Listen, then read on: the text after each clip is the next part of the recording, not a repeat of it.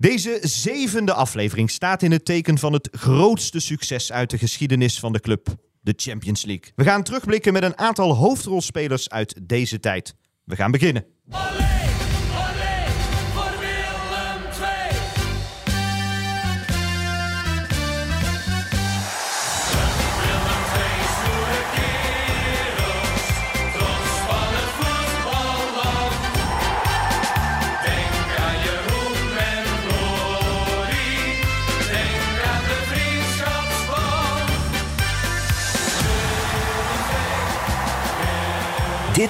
Is Willem II, de podcast.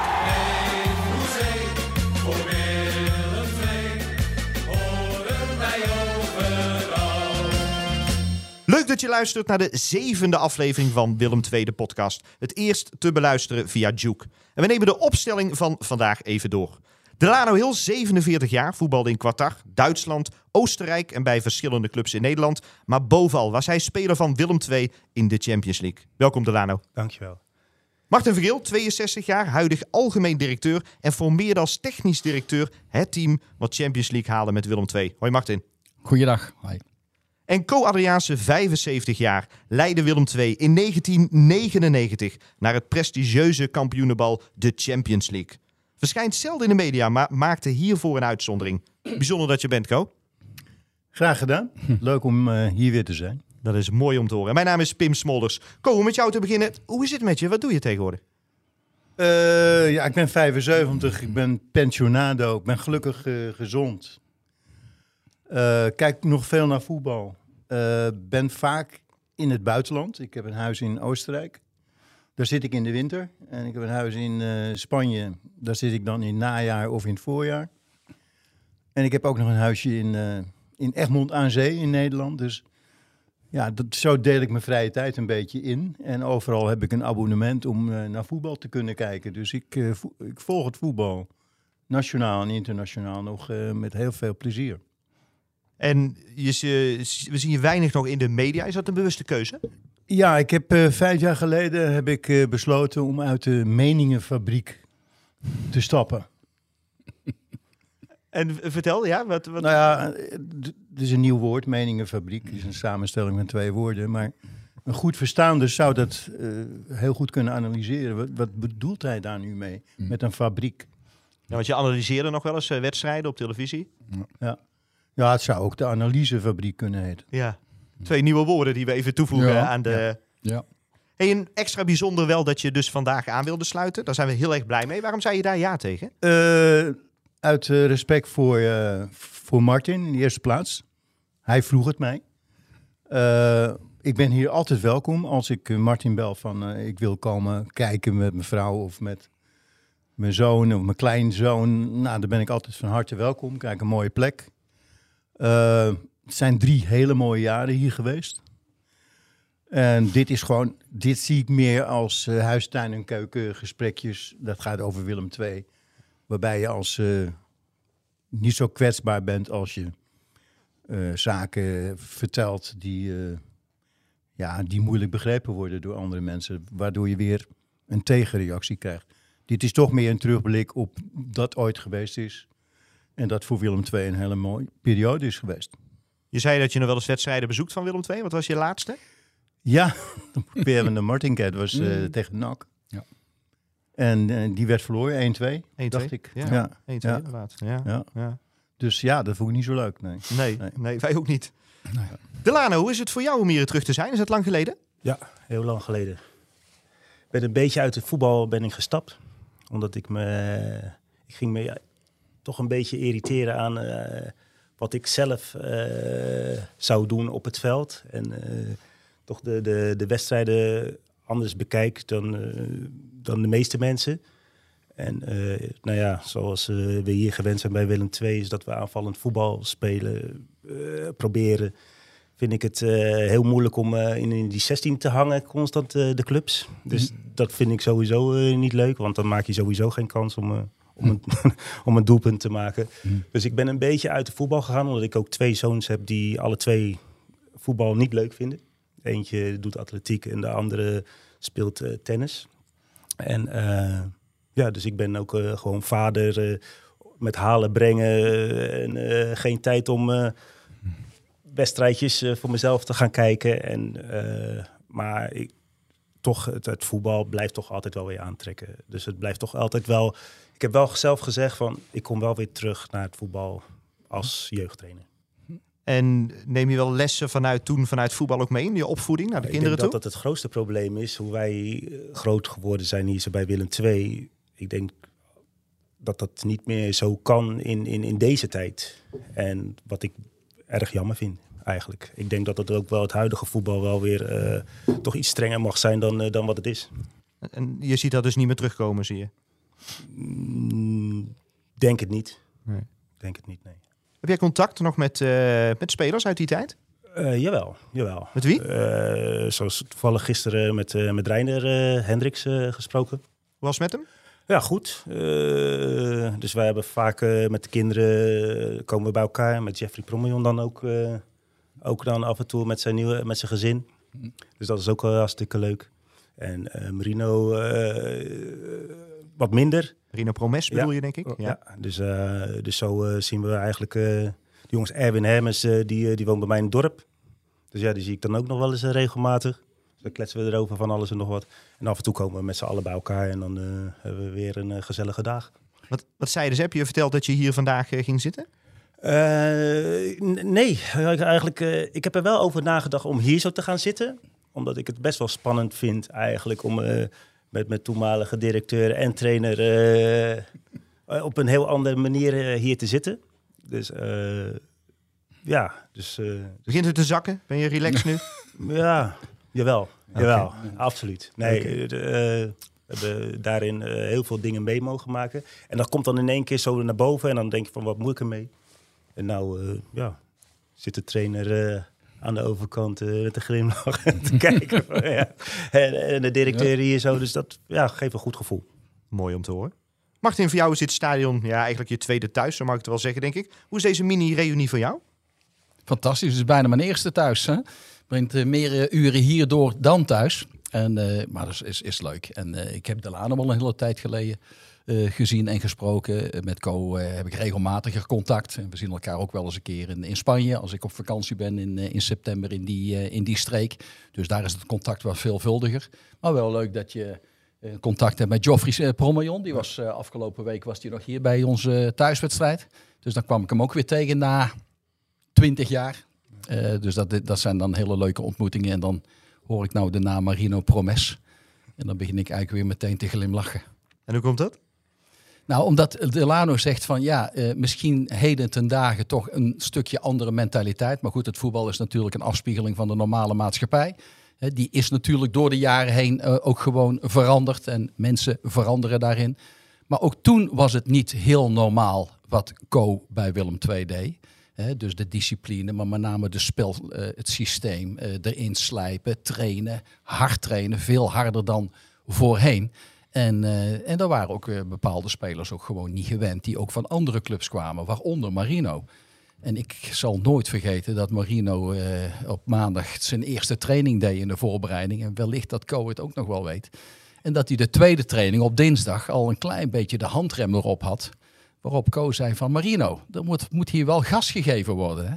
En hij stotterde een heel klein beetje. Dus Marino zei, oh, ja, trainer, de boog kan niet altijd gespannen staan. Dat was de tweede training van Marino. En de, de, de week daarna trainde hij bij het tweede elftal. eh, een aantal weken. Totdat hij liet zien dat hij echt wilde. En toen kwam hij weer terug. Maar Marino heeft het uiteindelijk bij eh, Willem II eh, net niet kunnen halen. Het was een hele opportunistische vleugelaanvaller die snel was en onvoorspelbaar was. En net het hele hoge niveau wat toen de tijd bij Willem II was, net niet kon aanpikken. Maar wel een hartstikke leuke jongen. En hij deed er ook alles aan nadat hij dus even gewend was. Dus ja, dat komt dan zo weer even boven. Zo was het, hè? Nee, dat klopt. Ja. We komen straks nog op meerdere spelers en de selectie eh, nog terug. Maar inderdaad, omdat jij er even wat van eh, vertelde, kwam dit even boven. Eh, hoe bijzonder is jouw band met, met Co? Hebben jullie een paar keer samengewerkt ook? Jawel, er is een fantastische band ontstaan natuurlijk. Hè. In 97, toen zocht ik een trainer, coach, eh, manager eh, bij, eh, bij Willem II. Die, Ja, ik, ben, ik vind sowieso dat de trainer-coach de belangrijkste persoon in een, in een betaald voetbalorganisatie is. Dat zie je nu bij Feyenoord, ja, Arne Slot. Dat zie je nu bij Manchester United, Erik ten Hag. En bij Ajax, Erik ten Hag niet meer. Als het al ooit duidelijk is geworden, dan, dan is het denk ik nu. Maar dat zei ik 20 jaar geleden al, of 25 jaar geleden al. Dat is de, veruit de belangrijkste persoon in een, eh, in een betaald voetbalorganisatie. Wij kunnen beleidsplannen uitschrijven en bedenken, maar dat zal vertaald moeten worden. Dat moet, ja, op het trainingsveld moet dat vertaald worden. En met name zondagmiddag om half drie hier in het st- stadion. Ik zocht iemand die eh, veel eisender was als dat het voorheen bij Willem II was. Het was in mijn ogen veel te vrijblijvend. Dat heb ik zo als voetballer ervaren. Ik had ook bij Ajax en Feyenoord gespeeld. Dat heb ik daarna als, eh, als technisch eh, directeur ervaren. Ja, en Co was in mijn ogen de absolute eh, persoon die dat zou hier vorm moeten gaan geven. Nou, dat heeft ook even wat voeten in de aarde gehad. Was heel blij dat Co kwam. Hè. Hij was een aantal jaren hoofdopleiding, directeuropleidingen bij Ajax geweest. En, ja, en, en, en hij is van start gegaan. Hè. En ja, hij, eh, hij moest hier zwaar het kussen komen opschudden. Maar Co nam de kleedkamer of de, de, de, de slaapkamer mee. Dus dat was niet alleen het kussen opschudden. Dus dat was een, een cultuurshock. Ja. Ja. en toen is er een enorme band ontstaan, omdat we elkaar daar ook in begrepen. En elkaar daar ook moesten vasthouden. Want er kwam natuurlijk heel veel eh, oppositie, omdat het resultaat er nog niet meteen was. Dat kan ook niet meteen, dat moet komen. Maar we wisten beide dat het zou gaan komen. Niet dat het deze vormen zou krijgen. Ik niet tenminste. Ik denk Co wel. Mooie woorden, Co. Eén ding triggerde mij in de voorbereiding op deze podcast. Want toen jij tekende bij Willem II, toen zat er nog een kleine kans in dat Willem II nog zou degraderen. Ja. En ik was heel benieuwd, stel dat dat gebeurd was. Had jij dan nog bedankt voor de eer? Nee, nee dat, daar hebben we ook eh, absoluut niet over gesproken. Er stond ook helemaal niks in het contract. Maar ik weet nog wel dat, eh, dat ik samen met Martin eh, naar Nijmegen ben gegaan. Naar de wedstrijd NEC tegen Willem II. En die mochten ze absoluut niet verliezen, want dan zou het eh, hele linker soep worden. Ja. En ja, ik kende Martin natuurlijk wel, maar hij zat toen naast me heel nerveus en te, te, te trappelen met zijn... En het bleef maar 0-0 volgens mij, 0-0. En volgens mij hebben ze daar een punt gepakt. Ja. En daardoor degradeerde Willem II niet. Maar als ze daar verloren hadden, dan was de kans groot dat ze zouden degraderen. Maar dan zou ik ook gewoon beginnen in de eerste divisie. Of in de keukenkampioen-divisie, zoals het nu heet. Nou, gelukkig gebeurde dat niet en we hebben historie geschreven. Ja. Het is nu bijna 25 jaar later. Eh, jij was toen, eh, we hadden het er net even over, 50, nu 75. Hè, bijzondere mijlpaal ook. 25 jaar geleden bijna dat Willem II zich plaatst voor de Champions League. 16 mei 1999. Welke beelden komen er nu terug, 25 jaar later, als jij daar aan dat avontuur terugdenkt? Eh, ik weet nog goed dat we in Oranjewoud, daar bij Heerenveen, eh daar hebben we geluncht. En toen zat ik in de bus en toen eh, nam Hans Verel, fantastische assistent. daar, daar is weinig aandacht naar gegaan, maar daar heb ik heel veel steun aan gehad. Die kwam met een koffiekannetje binnen in de bus. En hij zei, ik heb even een, een, een kannetje koffie voor je geregeld. Want er is nog een stukje rijden naar Leeuwarden. Hè, want moesten Kambuur uit. En, eh, nou ja, en hij schonk ook nog een kopje koffie in. En eh, ik heb ook bij de besprekingen voor de eerste keer de tune van de Champions League laten horen. Ik zei, nou jongens, eh, dat gaan we volgend jaar meer horen. Ik ben er bijna zeker van dat we deze wedstrijd gaan winnen. Nou, die wonnen we ook. Erwin Hermers, kan ik me nog herinneren, heeft toen voor het eerst ook een doelpuntje gemaakt. Ik geloof de tweede of de derde. En eh Abdullah na afloop in een, eh, een, ko- een golfkarretje. Gewoon scheurend over het hoofdveld met, met spelers van Willem II. Martin in alle staat. We hebben Ja. Champions League gehaald. eh, de voorzitter eh, Ja. erbij. Ja. Ja, en ik besefte eigenlijk toen niet wat het ook voor de club zou betekenen. Hè? Ook financieel. Hè, want eh, ik meen eh, me te herinneren dat eh, bij de eerste Europa Cup wedstrijd de lichtkwaliteit, het aantal lux dat de, de lichtmasten produceert, te, te gering was. Ja. Maar door de Champions League deelname kwam er zoveel geld binnen. Dat is vernieuwd. Ja. En toen zijn ze ook hier begonnen, aan deze zijde, de hoofdtribune, om de zaken uit te gaan bouwen. Dat Dus waar. ja, dat kan ik me herinneren op die dag. En dat kannetje, dat heb ik nog steeds. Dat, eh, dat koffiekannetje van eh, Oranje Woud. En daar heb ik in laten graveren Champions League eh, 1999 Willem II. Mooie tastbare herinnering. Ja, het staat niet in een prijzenkast, maar het staat wel ergens. Maar dan, ja, dan zegt mevrouw, ja, wat moeten we hiermee? eh? Zeg, ja, niet weggooien natuurlijk. En, eh, maar dan denk ik aan, aan Hans, eh Verel. En dan denk ik eh, aan de bus, aan Oranjewoud. Daar kwam ik ook graag. Want als we daar waren, wonnen we meestal wel. Dus ik ben, ja, zoals iedereen, toch wel een beetje bijgelovig. En... eh, ja, en vooral na afloop daar eh, onder de tribune bij Cambuur. Als ik later nog wel eens naar Cambuur eh, ging om tegenstander te analyseren. Dan komen dan al die herinneringen weer boven natuurlijk. Hè? Van, eh, van het golfkarretje en nou, iedereen, alle staten. Upia volgens mij die je huilend in de armen viel, want die wist al dat hij wegging. Ja, Die wist al. Ja. Ja. ja. En jij wist dat ook. Ja. Dat klopt. ja, op dat moment denk je van... eh, God, wat jammer dat... eh, aan de ene kant gun je het hem. Want een fantastisch mens. Fantastische centrumverdediger. En dat heeft hij eigenlijk nog meer dan waargemaakt hè, bij Liverpool. Want daar is hij gewoon van Europese klasse geworden. Is aanvoerder geworden. En, eh, ja, dat, eh, maar goed, ik, ik had eh, in Martin natuurlijk een fantastische technisch directeur. Want ik heb ook nog eventjes gekeken van... Ja, in die drie jaar, welke spelers heb ik allemaal gehad? Maar er zijn nogal wat ge- eh, geweest. En Ja. Martin heeft er een, een neusje voor om, om de goede spelers te halen tegen relatief weinig geld. Nou, en die, die, dat doe je natuurlijk altijd wel in samenspraak natuurlijk. Omdat je altijd de- denkt als je een speler haalt, past die in dit systeem? Welke posities? Zit er nog wel rek in eh, dat er nog meer statiegeld komt te staan, zodat we goed door kunnen verkopen? En van dat geld weer anderen kunnen aantrekken. En dat proces ging eh, echt fantastisch. Ja. En niet alleen eh, spelers die al bekend waren, zoals Delano bij RKC. hè, maar ook jongens die wat minder bekend waren, zoals Erwin Hermans bijvoorbeeld. En Marco Gentile, niet zo bekend. Eh, Marcel Valk bijvoorbeeld, eh, Ja. die we hier naartoe hebben gehaald. Ja, die hebben relatief weinig geld gekost. Ja. Ja, en die konden gewoon mee. Nou, het formeren van het team, daar komen we dadelijk inderdaad op terug. Je hebt inderdaad al wat namen eh, genoemd. Als we kijken naar jou, Delano. Jij bent kampioen geworden eh, en hebt de beker gewonnen in Oostenrijk, bij Austria Wien. Waar komt de Champions League succes eh, eh, avontuur van Willem II? Waar, waar staat dat bij jou? Eh, ja, gewoon op één. Duidelijk. Ja, eh, in Oostenrijk heb ik zelf eh, weinig gespeeld. Veel geblesseerd geweest. Borstspier afgescheurd, eh, links en rechts eh, hamstrings ingescheurd. eh, alles achter elkaar. dus ze wilden ook na anderhalf jaar wilden ze van me af. Maar hoe, hoe is dat mogelijk? Want in mijn ogen ben je, ben je een atleet. Ja, Iemand die serieus leeft voor zijn vak, goed traint. En als ik, deze blessures hoor, denk ik, hoe is het mogelijk? toch weer een verandering van, van, van trainen. Van de inhoud van, van conditie. Want ook weer in Oostenrijk was het ook weer, weer anders. Eh, dus dat, eh, we hebben het er net al een beetje over gehad. Eh, eerst in Duitsland gevoetbald. Veel lange, lange loopjes. vanuit, vanuit hieruit het sprint gebeuren. Dus we waren hier zo hartstikke sterk in, in conditionele in, in de sprint. En, en in Oostenrijk was dat weer heel anders.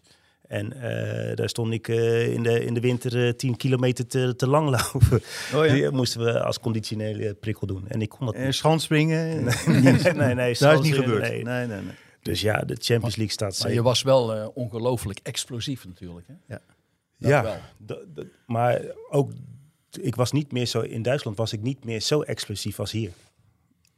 Eh, dus Ja. dat, je, je, je lichaam gaat toch veranderen als je meer eh, duurloop eh, aan het doen bent in plaats van eh, die, eh, die sprints die we hier zijn van de achterlijn tot, eh, tot wat was het, 16 net iets ervoor. Zekers.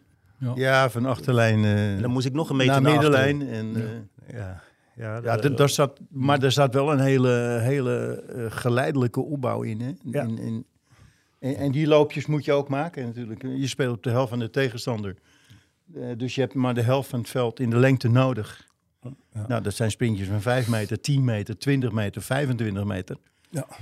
En bijna, maar, maar vooral voor een verdediger die eh, een hele grote ruimte verdedigt. Bij terugverdedigen, bij, eh, bij de Ja. counter van de tegenstander. Ja, dan, dan moet je wel meters maken. van 40, 50, misschien wel 60. Nou ja, dat, dat, en dat, was je grote kracht. Ja. Eh, Ik, kon, ik kon gewoon eh, jou de sleutel geven van het centrale gedeelte van Defensie. Zeker. En je liep gewoon alles dicht. Ja, dat, Ik nou kan, ja. ik, ik kan me nog één moment herinneren dat Delano stond in de rechtstreeks duel tegen Michael Mols van FC Utrecht. Die Ja. was er ook niet de langzaamste. En dat de een bal gaat, eh, werd in de diepte gespeeld. Delano glijdt uit. Ligt dus gewoon op de grond in de middencirkel. Staat op. Ligt 10 meter achter Michael Mols. En bij de 16 meter lag je 5 meter voor Michael Mols. Dat beeld heb ik nog zo voor me. Het zal misschien iets minder zijn wat ik nu vertel. Maar in mijn herinnering Nee, is het zo. Hij haalde hem gewoon vanuit lichtstand. Haalde hij hem gewoon bij. En, en dat was ook de kracht wel. Promojon was natuurlijk vrij eh, snel. Delano was supersnel. Hippia was daarentegen minder, Minder snel. snel. Maar had een ongelooflijk inzicht. En eh, heb ik nog nooit een kopduel zien verliezen. Dus dat was heel veel eh, spelers die ook eh, complementair waren aan elkaar. En dat was een fantastisch mooi team. En Co had het net over dat we een heel aantal goede spelers haalden. Maar dat was altijd in samenspraak. Eerst met de scouting, maar zeker ook met Co en met de hoofdtrainers. Want we gingen geen spelers halen waar een hoofdtrainer helemaal niet in geloofde. Want ja, dan stelt hij hem ook niet op. Hè. Dus dat was altijd een team wat, dat, wat dat deed. En Delano, heb jij daarna nooit meer het niveau gehaald wat je hier hebt gehaald? Eh, jawel, eh, op een, eh, op een andere, andere, andere manier van wedstrijden spelen. Nou ja, de Champions League was natuurlijk een hele ervaring om, om, om door te pakken als, als jonge speler. Daarna vier jaar dan in Duitsland gespeeld. En dan kom je die, al die jongens waar je dan tegen speelt, eh, van Sparta Praag, eh, kom je dan allemaal tegen in de Bundesliga. En dan, dan, dan ben je wel, heb je wel weer een stap gemaakt. Want ik denk wel dat je wel zulke wedstrijden moet spelen. En je zal dan in het begin zal je een beetje eh, problemen hebben, maar daarna ga je er wel weer aan wennen om dat te- tegen zulke spelers te gaan spelen, laat ik zo maar zeggen. Martin, jij hebt als sportbestuurder, je bent kampioen geworden met Feyenoord. KNVB-beker gewonnen met Ajax. Halve finale van de UEFA Cup gehaald met AZ. Staat behalen van de Champions League bij jou bovenaan in die- top drie? Van sportieve successen? Ja, nou, ik, ik denk dat dat het kampioenschap met Feyenoord is. Denk ik. Eh, dat is ook een, een, een proces geweest eh, waarin eh, je met elkaar eigenlijk van eh, uit het nulpunt komt. Met heel veel schulden en eh, een tiende plaats voordat ik bij Feyenoord kwam. En uiteindelijk met heel weinig financiële middelen langzaam opbouwend naar een kampioenschap in 17 na 18 jaar. Want dat was in 99. In ons Champions League jaar, waar we het haalden, werd Feyenoord eh, kampioen. Dus zo lang was dat geleden. Dus dat is ook wel een, een mooi moment. Maar zo zijn er heel veel eh, mooie momenten in mijn sportbestuurders. maar ook minder momenten. Maar er zijn een heel aantal mooie. Maar Champions League is natuurlijk ook een, een fantastisch, fantastisch groot, eh, groot moment geweest. Absoluut.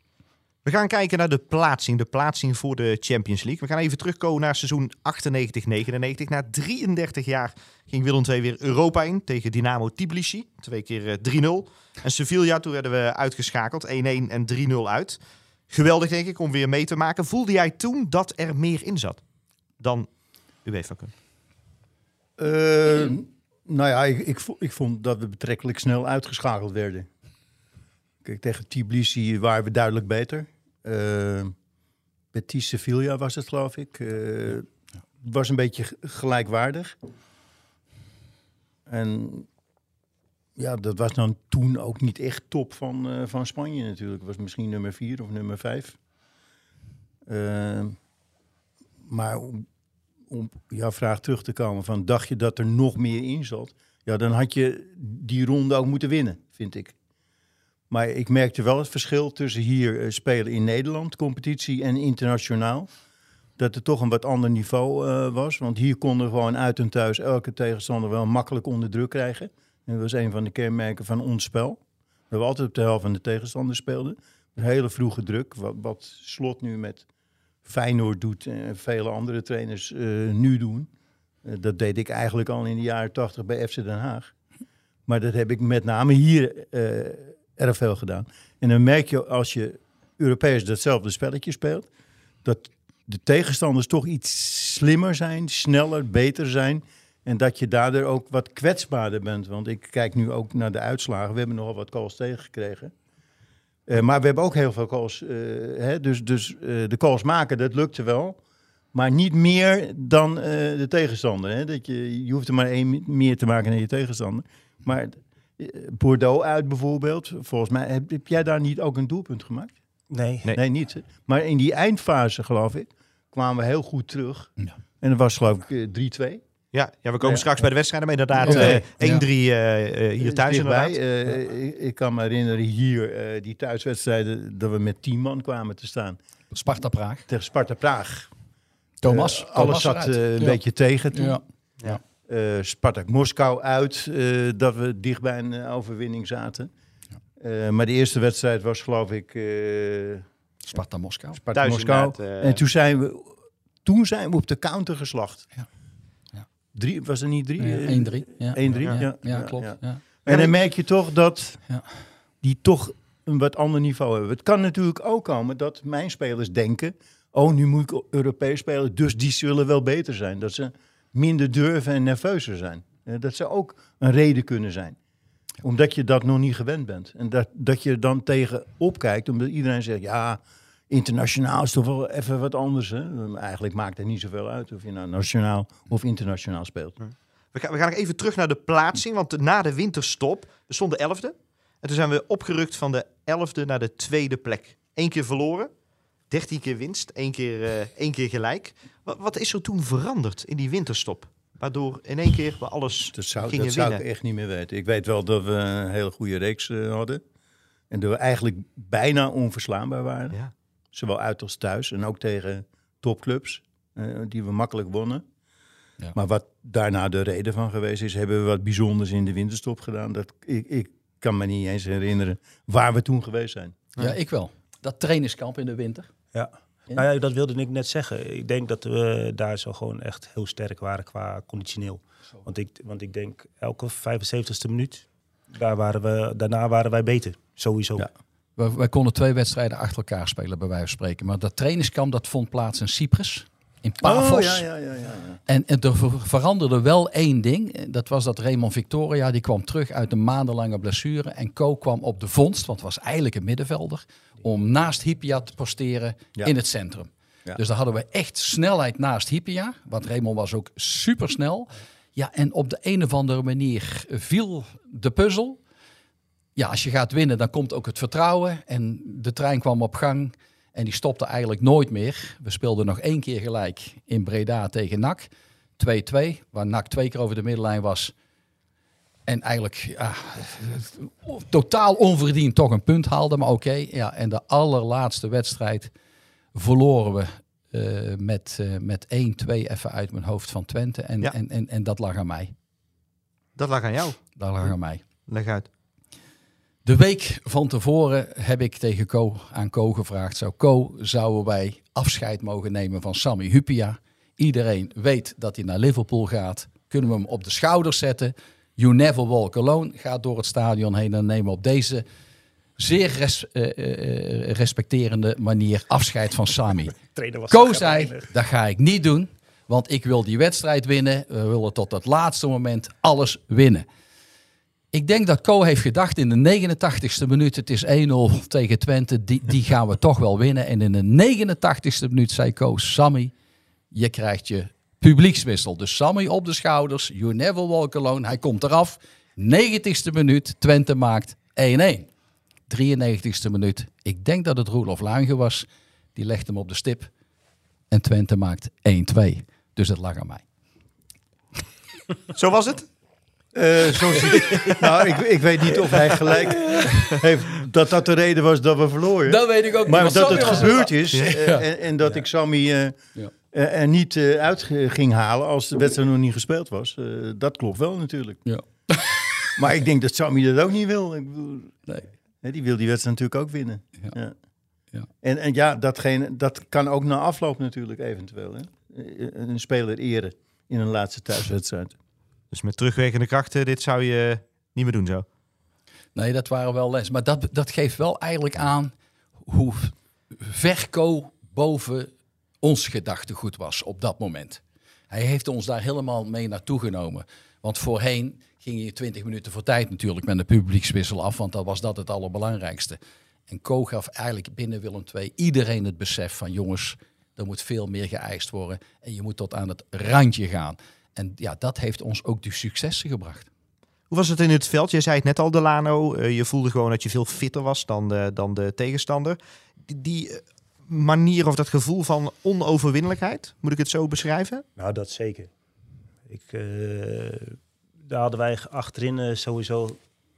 We waren wel met elkaar bezig. Wij wisten echt wel van elkaar eh, hoe, wat we konden en wat we niet konden. Nou ja, we hebben het over Hypia natuurlijk. Als elke bal die, die lang kwam, gingen wij al 10, 20 meter gingen wij al naar, naar voren. Want we wisten sowieso dat hij die kopduel ging winnen. En als het eventueel eroverheen zou gaan, dan, ja, dan had je mij nog om, om te belopen bijvoorbeeld. Dus we wisten heel goed eh, wat we aan elkaar hadden. Had ik de bal, nou had je Marcel Valk, Arno Arts, eh, Yassine, eh, noem ze allemaal maar op. Je kon gewoon die bal kwijt. Ik hoefde niet na te denken. Ik had de bal, kon ik gewoon inleveren. Ik hoefde niet na te denken van, oh, wat moet ik nu gaan doen? Om een gekke bal te geven of wat dan ook. Dus ik denk dat daar eh, zeker eh, eh, het succes ook aan lag. Dat we wisten van elkaar wat we aan elkaar hadden, laat ik zo maar zeggen. In, in de kleedkamer, zowel in de kleedkamer als, als op het veld. En de rol van Thomas Galasek, hè? Nou ja, de, de- Eh, die, die kwam als centrale verdediger en, en co-posteerde hem op Ja. het middenveld. En ja, daar ging eigenlijk het spel over, hè? over Thomassen. Ja. Dat, eh, Nou ja, zo, zodra wij de bal hadden, dan eh, wisten we dat we het daar zo ergens in moesten leveren. En dan wisten we ook dat het goed ging komen, laat ik het zo maar zeggen. Dus, dus voor ons werd er heel veel weggehaald door, door Thomas, door de verdediger midden, Raymond, om niet te vergeten, Danny Landsaat. Eh, Ja. Dus we hadden genoeg jongens waar we alles kwijt konden. En vooral achterin. Ja, dan eh, word je wel opgewonden van als je dan eh, weet dat je gewoon, als we 0-0 spelen, dat we hem gaan winnen. Even terug naar ehm, de speciale warming-up, die ik eigenlijk daarna bijna nergens meer gezien heb. Die warming-up van 16 meter lijn tot midden, middenveld, middenlijn. Wat was de gedachte daarachter? Ja, het is gebruikelijk dat de warming-ups in die tijd in de breedte van het veld eh, gemaakt werden. En nog? Nou, tegenwoordig zie ik eh, heel veel vrijblijvendheid. Dus er zitten enorme verschillen in. Eh dan haal ik toch Slot er weer even uit bij Feyenoord. Eh, die begint ook in de tweede helft, onder leiding van de fysieke coach, denk ik. Een hele korte warming-up. Ik heb het ook een keer bij Ajax gezien. Dat deed ik in mijn tijd niet, maar dat is wel een onderdeel dat ik bedacht zou kunnen hebben. Van waarom ga je wel een warming-up houden voor een wedstrijd? Dan zit je een kwartier, twintig minuten zit je, zit je helemaal stil. En een hoop geschreeuw en gedoe en zo. En, en je komt op het veld en je gaat meteen weer beginnen. Ja. Daar hoort ook eigenlijk een korte warming-up bij. Dus als je daarover nadenkt, eh, wat is nou de doelstelling van een warming-up? Is het ook om je tegenstander eventueel te intimideren? Dus als je in de lengte loopt, van 16 naar middenlijn, dan ziet de tegenstander voortdurend de tegenstander op zich afkomen. Maar ook mijn spelers zien de warming-up van een tegenstander. Nou, die is ander, altijd qua uitvoering, qua discipline, qua enthousiasme minder dan onze warming-up. Want wa- daar was ik heel erg scherp ook op, dat die warming-up ook heel goed uitgevoerd werd. En ik kon al vaak aan de uitvoering van een warming-up zien, eh, bij een tegenstander en natuurlijk ook bij mijn eigen ploeg, nou die gaan we winnen vandaag. Want ze staan nu al achter eigenlijk. Moet er alleen nog één inschieten. Minimaal. Die- Die warming-up was, die was wel heftig. Vertel. Eh, nee, ja, je was echt... Je ging net tot het randje eh, en dan kon je, als je het veld opkwam, was je klaar. Dan kon je gaan. En vaak eh, bij warming-ups dan gaan we toch een beetje, een beetje zelfstandig een beetje doen. En dan, dan zit je hartslag nog niet zo hoog. je, je komt het veld op en, en dan, dan ga je beginnen en dan gebeurt er wat. Dat, dat hadden wij, denk ik, eh, door die warming-up... Ja, had je dat gewoon niet. Daar had je de kans niet voor, want je was gelijk aan. Er waren er ook een paar bij die wel daarin eh, voorop gingen en iedereen meenam. bij, absoluut. bij name Adil Ramzi. Ja, nou ja, eh, Eh, die die ging voorop en eh, die nam de anderen Ja, mee. dat, En dat kwam je- ook door de selectie van, eh, van type spelers. Type mens, type karakters. En wij keken ook vooral naar, naar de, de, de psyche van een speler, van de mentaliteit van een speler. Ja. En eh daar gingen we niet over één nacht ijs. Eh, Dus alle spelers die Martin aantrok, nou, die pasten qua voetballer hier, maar ook qua mentaliteit en qua persoon. Hè, want dat, dat kan je heel goed scouten. Je hoeft hem, je- scouting begint eigenlijk al bij het bekijken van een training waar hij dan speelt. Ga een keer naar een speler kijken als hij zondag met 3-0 verloren heeft. Hoe traint hij op maandag? Als, als je een speler op het oog hebt, hè, ga met hem praten. Kom bij hem thuis. Heeft hij thuis wat te vertellen of helemaal niks te vertellen? Heeft hij kinderen? Welke? Nou, enzovoort, enzovoort. Dus we hebben het vaak over de maakbaarheid van een eh, maatschappij of maakbaarheid van een team. Nou, Slot eh, bewijst nu bij Feyenoord dat een team maakbaar is. Dankzij hem. Eh, de trainer van Schreuder, van eh Pek Zwolle, bewijst dat een team maakbaar is. Je ziet aan het team hoe het team speelt, hoe het de tactiek uitvoert. Dat is elke week hetzelfde, uit en thuis. En het is succesvol. En spelers worden beter. Spelers worden beter door het geheel. En ja, dat heeft met maakbaarheid te maken. Ja, heel veel eh, mensen in de voetballerij zullen denken, ah, dat, dat is niet zo. Maar dat is wel zo. Ik heb wel de ervaring dat elk team waar ik geweest ben, en ik ben bij heel veel teams geweest, heb ik succes gehad en heb ik altijd mijn strategie aangehouden. En altijd succes gehad, overal. Ook in het buitenland, ook in het Midden-Oosten en ook in Portugal en ook in Oostenrijk. Maakt niet uit. Als je maar spelers hebt die erin passen en mee willen. Nou, willen ze niet mee. Nou ja, oké, dan, eh, weg en eh, de volgende. Maar Het is ook niet voor niks, denk ik, hè, dat op het moment eh, die spelers eh, vaak in de Willem II-jaren hun beste jaren hebben gehad. Ja. Hè, daarvoor en daarna was het vaak toch minder. Dus ja, het is er helemaal uitgehaald. En nu herinner ik me, ik zal de naam ook niet noemen, hè, dat wij dus iemand van de graafschap op het oog hadden. En daar waren we eigenlijk technisch-tactisch wel uit. We zouden hem nog één keer gaan bekijken. En die deed een hele matige warming-up. Terwijl hij wist dat we op de tribune zaten. En Co heeft er de week erna nog mee gesproken. De vraag gesteld, hoe komt dan dat je zo'n warming-up doet? En zijn, je wist toch dat wij op de tribune zaten voor een laatste check. En toen zei hij letterlijk van ja, maar die wedstrijd die, eh, die, die stelde niet meer zoveel voor. De, eh, de stand was de stand. Nou, dat was voor ons reden om te zeggen van, eh, nou dan zien wij daar nu vanaf. Die details. Die details en die speler is niet gekomen. Af, afgetest op de warming-up.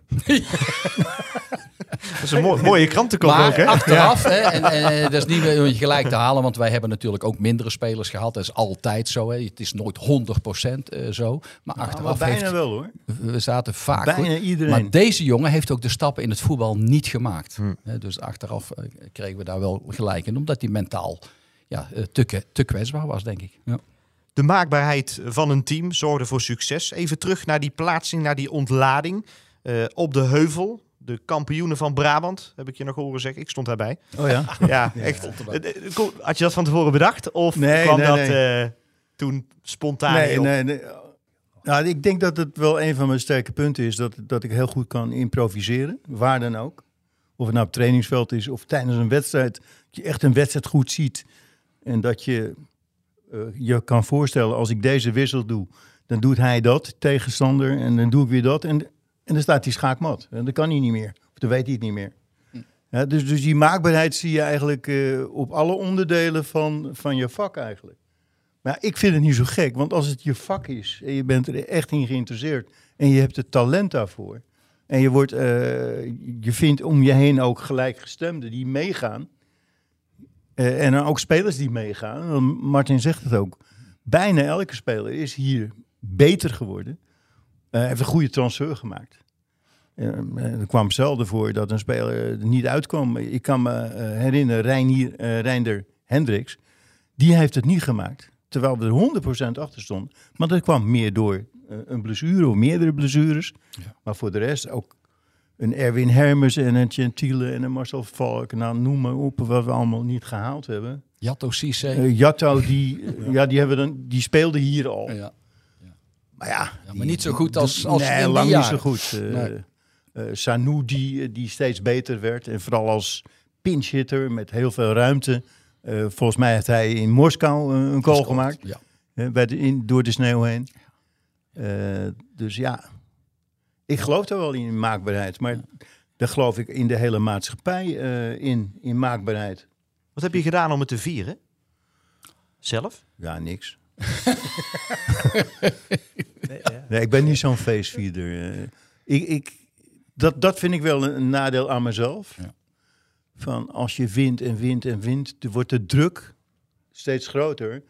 En als je dat succes ook naar je toe trekt, of je komt in de belangstelling te staan, dan wordt die druk nog groter. En op het moment dat je dan wint, denk je, ja, maar volgende week verwachten ze dat we weer winnen. En dan moeten we die wedstrijd, en dan moeten we die, die moeten we dan ook weer winnen, weet je wel. Dat, eh, dat stapelt wel op, op, eh, op je schouders, ja. En jij, jij Delano, kun je nog even terug naar die 0-2 bij Cambuur? Dat het zeker was dat we de Champions League eh, gehaald hadden. Het golfkarretje werd inderdaad al Ja, genoemd. Dat was Die ontlading. Ja, ook wat de trainer zei. Ik, ik kan er ook niet zo, want het was nog niet zo. Het begon nog niet. Dus wel dat we iets hebben gehaald. Eh, We hebben een prijs gehaald. Dat, dat, dat zeker. Maar eh, echt het Champions League gevoel, dat begon echt gewoon echt op het veld dat we gingen beginnen tegen, tegen die gasten. Daar zo zat ik, eh, dan was je er wel bij. Dus ik vond het wel, het, het, gevoel was natuurlijk ja, leuk. Maar ik wist eigenlijk niet wat dat gevoel, wat, wat, wat, wat moet je er nou mee? Want ja, ik had het nog nooit zoiets Ja, dat komt meegemaakt. natuurlijk veel later. Dus Ja. de echte praktische deelname, daar gaan een aantal maanden overheen natuurlijk. Met een voorbereiding natuurlijk, met een transferperiode. En natuurlijk als je Ja. ja, meer inkomsten hebt en zo, dan probeer je het team nog beter te maken. En, eh, Ja, en dat was voor mij dan eventjes wel, balen dat, eh dat Sammy natuurlijk eh, wegging. Want Ja. dat, dat was gewoon, ja, voor, voor ons achterin was dat gewoon een, een rustmoment. Die- dat, dat is volgens mij een van de weinige spelers die echt na het verlaten van Willem II Ja. nog veel beter geworden Ja. is. Dat is gewoon Europese top geworden. En eh, als je mij vraagt, zag je dat in hem? Dacht ik, ja, hij is fysiek erg goed. Hij is eh, kopsterk, eh, goede tackle, hij heeft goed inzicht. hij is rustig, hij traint goed. Maar de, de, de echte dynamiek, de snelheid, het kunnen draaien en keren wat, wat Delano heeft. En wat later eh, Pepe had bij FC Porto. Eh, die heb ik uit de tweede gehaald, want niemand geloofde in hem. Want ze vonden hem allemaal maar gek. Maar die Pepe, die heeft zich echt ook ongelooflijk eh, ontwikkeld. Spe- hij speelt nu nog Hij speelt nog. in FC Porto 1. En Ja. bij mij kwam hij in, was, er, was ik geloof ik 21 of zo. Klopt. Eh, maar die, die, die, die heeft een ongelooflijke snelheid. En alles wat een centrale verdediger moet hebben. En kon ook vrij goed voetballen. Maar als je heel veel eh, eh, moet verdedigen en moet tackelen, dan zie je dat onderdeel aan de bal zie je niet. Want hij, komt, hij pakt een bal af en levert hem in. Dus het voetbalgedeelte dat hij ook wel in zich had, dat, dat zie je dan niet. Dat openbaart zich niet. Maar dat zie je wel op een training natuurlijk, wat hij allemaal kan. We gaan even naar dat gevoel toe. Die voorbereiding op een seizoen met Champions League. Wat was je plan? Hoe wilde jij tegenstanders gaan bestrijden? Hetzelfde als de tegenstanders in de competitie? Aanvallend Ja. voetbal? Ja. Ja, het zou gek zijn als je door die filosofie die al jaren in mijn hoofd eh, zat. En dat ik ook bij Den Haag en bij PEC Zwolle en bij Ajax heb laten zien en hier heb laten zien. Dat je zegt, nou jongens, we moeten nu Champions League spelen. Dat kunnen we eigenlijk niet. Dus we gaan maar met vijf mensen verdedigen. We gaan niet meer druk zetten. Nee, ik, ha- ik had het idee, nou we gaan proberen hetzelfde spel daar te spelen. Eh, ja, mislukt het, dan mislukt het. Maar je neemt wel die ervaring weer mee naar je nationale competitie. En je, je, het geloof van de spelers in jou blijft hetzelfde. Om- Omdat ze niet een trainer twee verschillende verhalen zien afsteken. Ja, jongens, nu Champions League.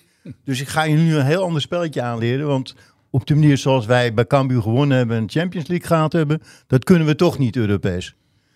Nou, en ik denk dat het Europees ook kan. Maar het is vaak het mentale gedeelte dat spelers en, en trainers tegenhoudt. Oh, dit is. Dus hier kan het niet. Nou, volgens mij kan het overal. En dan moet je een selectie samen gaan stellen, Martin. Dat doe je samen, denk ik. Ja. Dat doe je samen, zeker. En eh, ja, het was een gemis eh, van Sammy. We hebben Marco Gentiel gehaald van, eh, vanuit eh, Volendam. Ik weet niet of er nog heel veel andere wisselingen waren. Ik denk dat het wel meeviel. Ik denk Huub Loeven weg is gegaan. Ehm Delano, je hebt dan Champions League gehaald met Willem II. Ik kan me ook voorstellen dat er ook aan jou getrokken werd. Was er interesse, was er belangstelling van andere clubs? Eh, geen idee. Ik geloofde waarschijnlijk te veel met mijn zaakwaarnemer op dat moment. Eh, want ja, ik was lekker. We hadden afgesproken, ik ga voetballen. En de rest eh, wil, ik, eh, wil ik niet weten. Wie, Want, wie was dat? eh, Roger Linsen. Oh ja. Eh, want het is ook een paar keer geweest dat ik wel wist dat er een, een club op de tribune zat. En eh, dat ik dan echt een, eh, nou ik weet nog, hier zo tegen Heerenveen thuis. Toen speelde Talan eh, tegen mij en eh, die speelde me helemaal zoek hier zo thuis. Dus toen was die kans in Engeland was ook verkeken. dus eh, dus ik, ik wilde dat niet weten. Ik wilde gewoon me focussen op het voetbal. Want dan was ik tevreden en was ik blij. En daar kon ik mijn ding doen. Want ik wilde niet weten wat, wat voor clubs er allemaal... eh, pas achter, daarna natuurlijk wel. Maar ik was gewoon bezig zo goed mogelijk te voetballen. En, en ja, dan komt de club eigenlijk vanzelf wel. Ja, en eh, ja, dat is dan ook uiteindelijk naar Duitsland gegaan. En dan neemt de media-aandacht natuurlijk enorm toe. Willem II in de Champions League. Hoe was dat? Ja, dat was gigantische media-aandacht.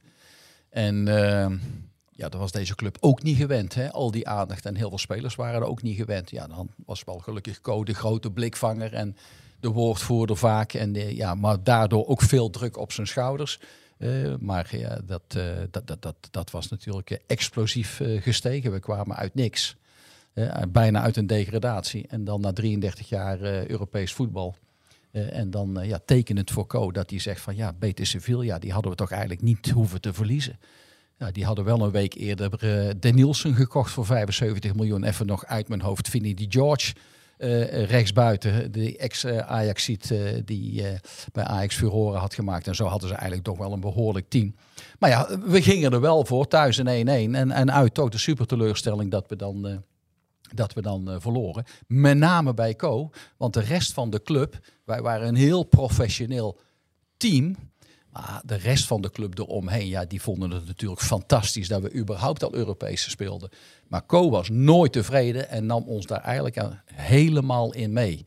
En, eh, en daardoor kom je ook tot iets. Dus daardoor het jaar erop nog eens een keer eroverheen met een tweede plek. En dan ook niet tevreden met het aantal punten wat je, wat je daarin haalt. Ja, en dat, eh, dat heeft ons eh, ve- veel gebracht. Eh, en, maar ook heel veel aandacht. Nou is het zo dat de UEFA komt dan met een enorme delegatie. En die neemt eigenlijk ja, Ja. bijna het stadion eigenlijk over. Dat lijkt me ook even heftig voor alle Ja, dat was voor de organisatie was dat ook wennen. Die nemen inderdaad het stadion over. Dus de reclameborden moesten allemaal afgeplakt worden. hè, Want het gaat met de, sponsors van, van de Champions League. Er komt hier een, eh, een delegatie van de UEFA een, een week hier in de kantoren zitten. En, en nemen het stadion inderdaad eh, over. Ja, dat was Willem II allemaal niet gewend. Maar wel, wel, wel fantastisch om, eh, mooi om, eh, om mee te maken. En inderdaad, eh, het tastbare bewijs, eh, de lichtmasten. En hier de skyboxen. Eh, want die hadden we niet. Eh, die hebben we vanaf dat moment eh, kunnen bouwen en het hoofdgebouw kunnen uitbreiden. En dan maken we tot op de dag van vandaag hebben we daar natuurlijk nog heel veel profijt van. Want alle 18 eh, skyboxen die zijn verhuurd dit jaar. Dus dat, ja, dat, dat, dat is daar begonnen. En dan nemen we nu ook deze podcast inderdaad op. Neem even mee. Ja, we gaan even naar de, de loting. Was daar iemand bij, Co? Vanuit Willem II? Eh, dat moet je aan Martin vragen, want eh, Daar was ik dat, bij, denk ik. dat lag Ja. niet op mijn Dat is bordje. wel lang geleden, maar ik heb al heel veel lotingen meegemaakt. Maar ik denk het wel. En ik kan me nog wel herinneren dat ik niet super enthousiast was. Omdat je weet dat het eigenlijk hele sterke teams zijn. En niet met die grote uitstraling als een Barcelona of een Ja. Manchester United of, eh, of, of, of Real Madrid. Eh, daar kan ik me nog wel iets van herinneren. Het zijn gewoon supersterke eh, tegenstanders. Het zijn mooie plaatsen om te bezoeken. Want in Moskou, daar ben ik in mijn leven maar ooit één keer geweest. Toen. Eh, en eh, dat, dat, dat, dat zijn mooie ervaringen. Maar dat was, ja, dat was een klein beetje teleurstellend. Dat kan ik me nog herinneren. Dat we niet Barcelona, Real Madrid, Manchester United, Bayern München. Sta je er ook zo in? Voor jou ook niet de, de gewenste loting? Eh, nou ja, ik, ik, ik speel liever tegen Bordeaux en eh, Sparta Praag dan tegen Bayern München eh, of Real Madrid. Om meer kans te hebben. Ja, heb je natuurlijk veel meer kans. Eh, dus ik, ik zag wel kansen. Ja. Maar goed, we hadden natuurlijk veel aantrekkelijke teams kunnen loten. En jij Delano als speler? Nou ja, zoals hoe eh Co dat zegt, eh, de kansen waren er dan wel om, om, om een rondje te pakken, eh, financieel en, en, en punten. En eh, ja, dan hoef ik toch niet zo gelijk nodig eh, tegen de grootste eh, clubs te spelen, laat ik het zo maar zeggen. Natuurlijk is dat mooi, maar dan doe je eigenlijk een soort van, ja, mee. Nu, nu doe je echt mee, want je, kon, je kan winnen. Dat, eh, als je dan tegen bij München Ja, als je de Efteling ingaat, dan, dan ga- neem je ook niet meteen het spectaculairste onderdeel. Ja, dat bouw je dan ook een beetje op, anders sta je gelijk al buiten. Ja.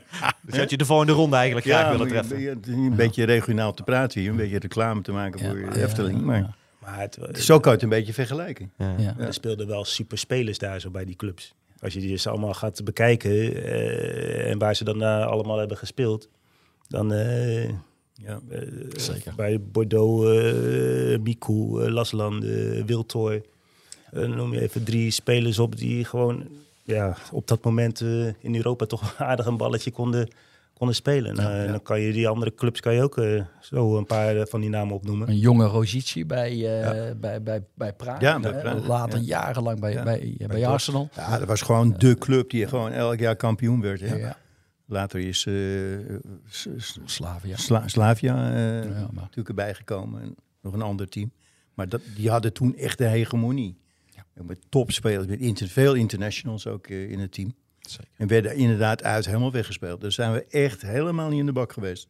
Ja, één keer dat we af mochten trappen. Nou, we, mochten Dat een krijg je paar, altijd één keer in de wedstrijd. we mochten een paar Maar, keer we aftrappen. kregen- We kregen nog drie extra's. Ja. Ja. Maar helemaal, ja, niet... niet dat was de enige wedstrijd. Ja. Dat we echt kansloos geweest zijn. kansloos. Ja, dat klopt. Maar die andere niet. Die Nee. andere wedstrijden... Nou, we zitten bijna bij die wedstrijden. We gaan even bellen met een Belgas, met Marco Gentiel. Die zit eh, als goed is thuis eh, klaar voor een telefoontje. Ehm, ja, zet eh, de koptelefoons inderdaad maar even op.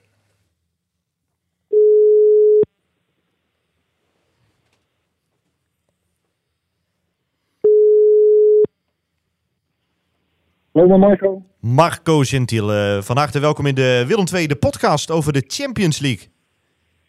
Hi, goeiedag, goedemiddag. Een hele goede middag. Ik heb ook, eh, die kunnen jou verstaan en die kunnen ook terugpraten. Eh, Martin Vergeel, Delano Hill en Co Adriaanse zitten hierbij.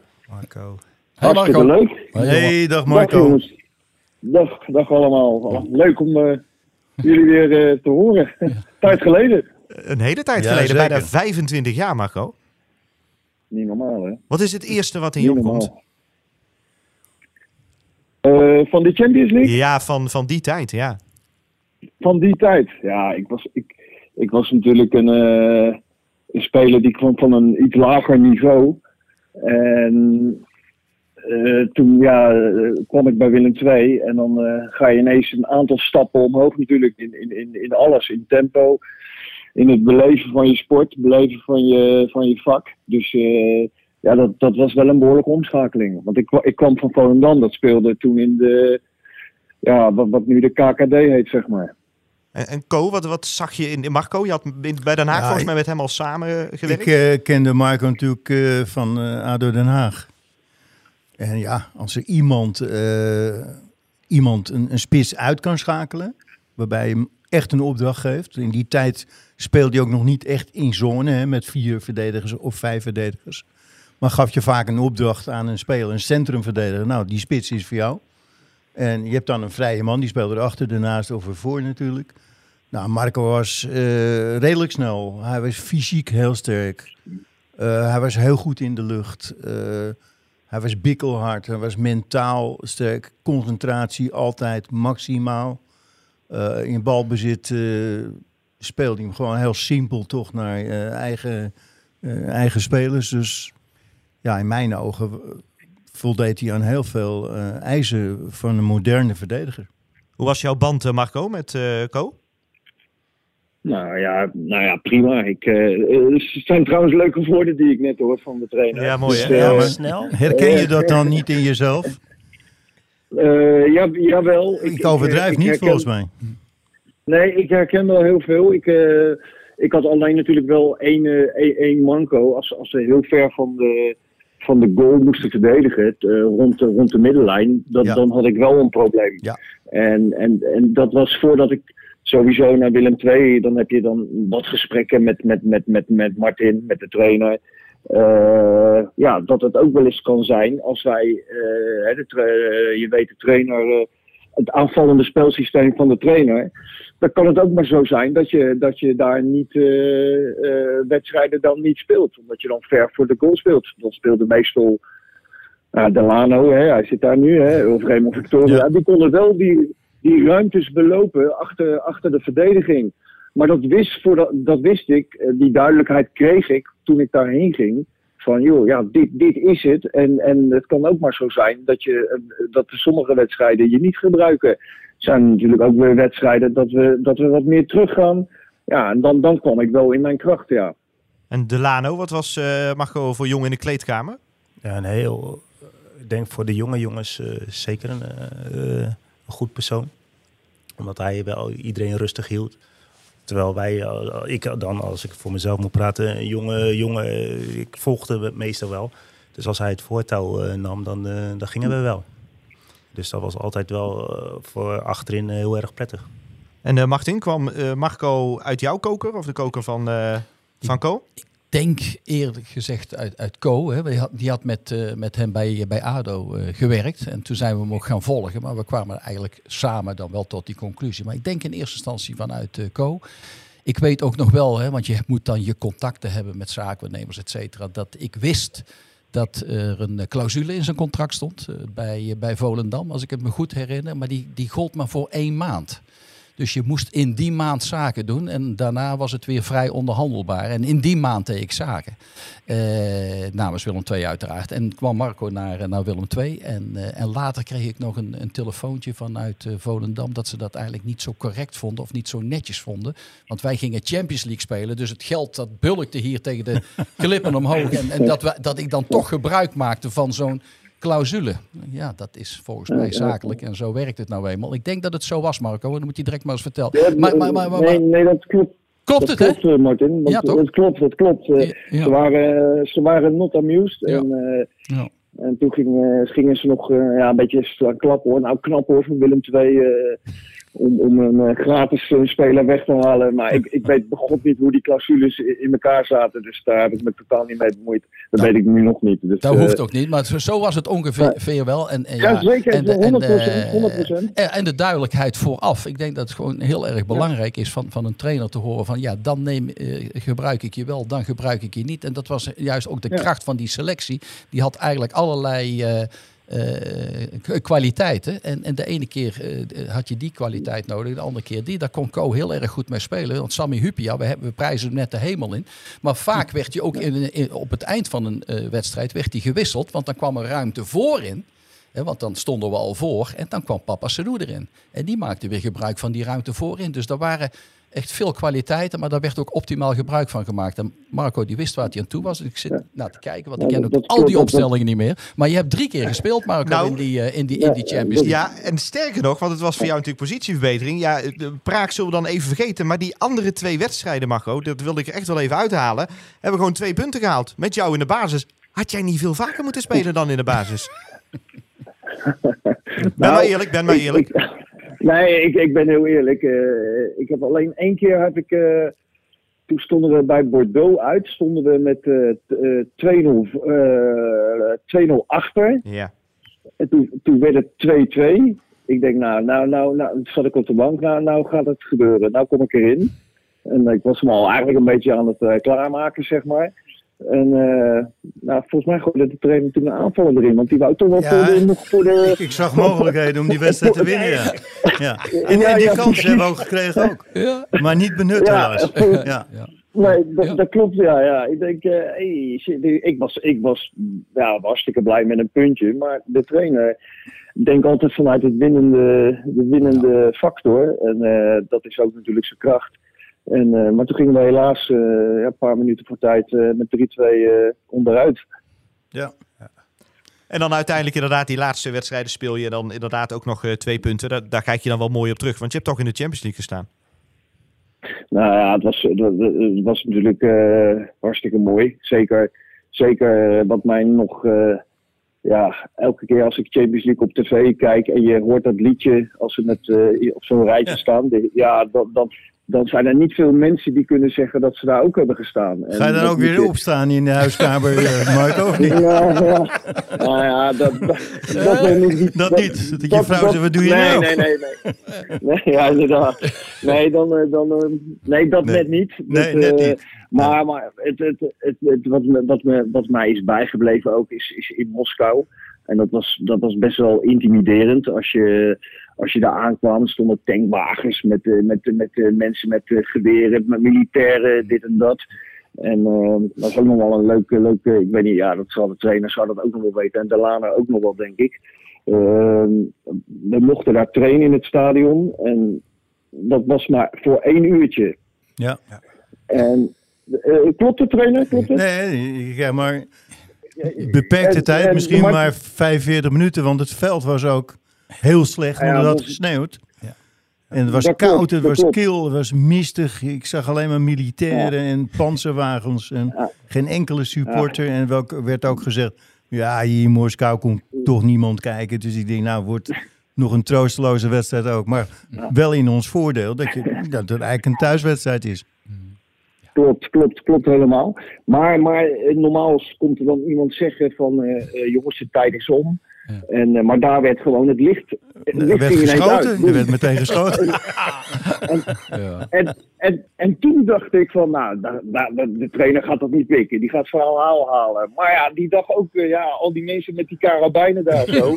ja, ik, ik, ik, ik, ik- dan gaan we naar binnen. En eh, ja, Martin zag ik helemaal niet meer. Dus, eh, dus eh, Nee, nee dat- toen zag dat- je helemaal niks meer, want de, de- het licht ging uit. Maar, maar dat klopt Marco, maar de, de dag erop eh, vond Ja. ik dat ze het nog spannender maakten. Want het was inderdaad, zoals Ko zegt, dramatisch veld. Want het regende de hele Ja. dag.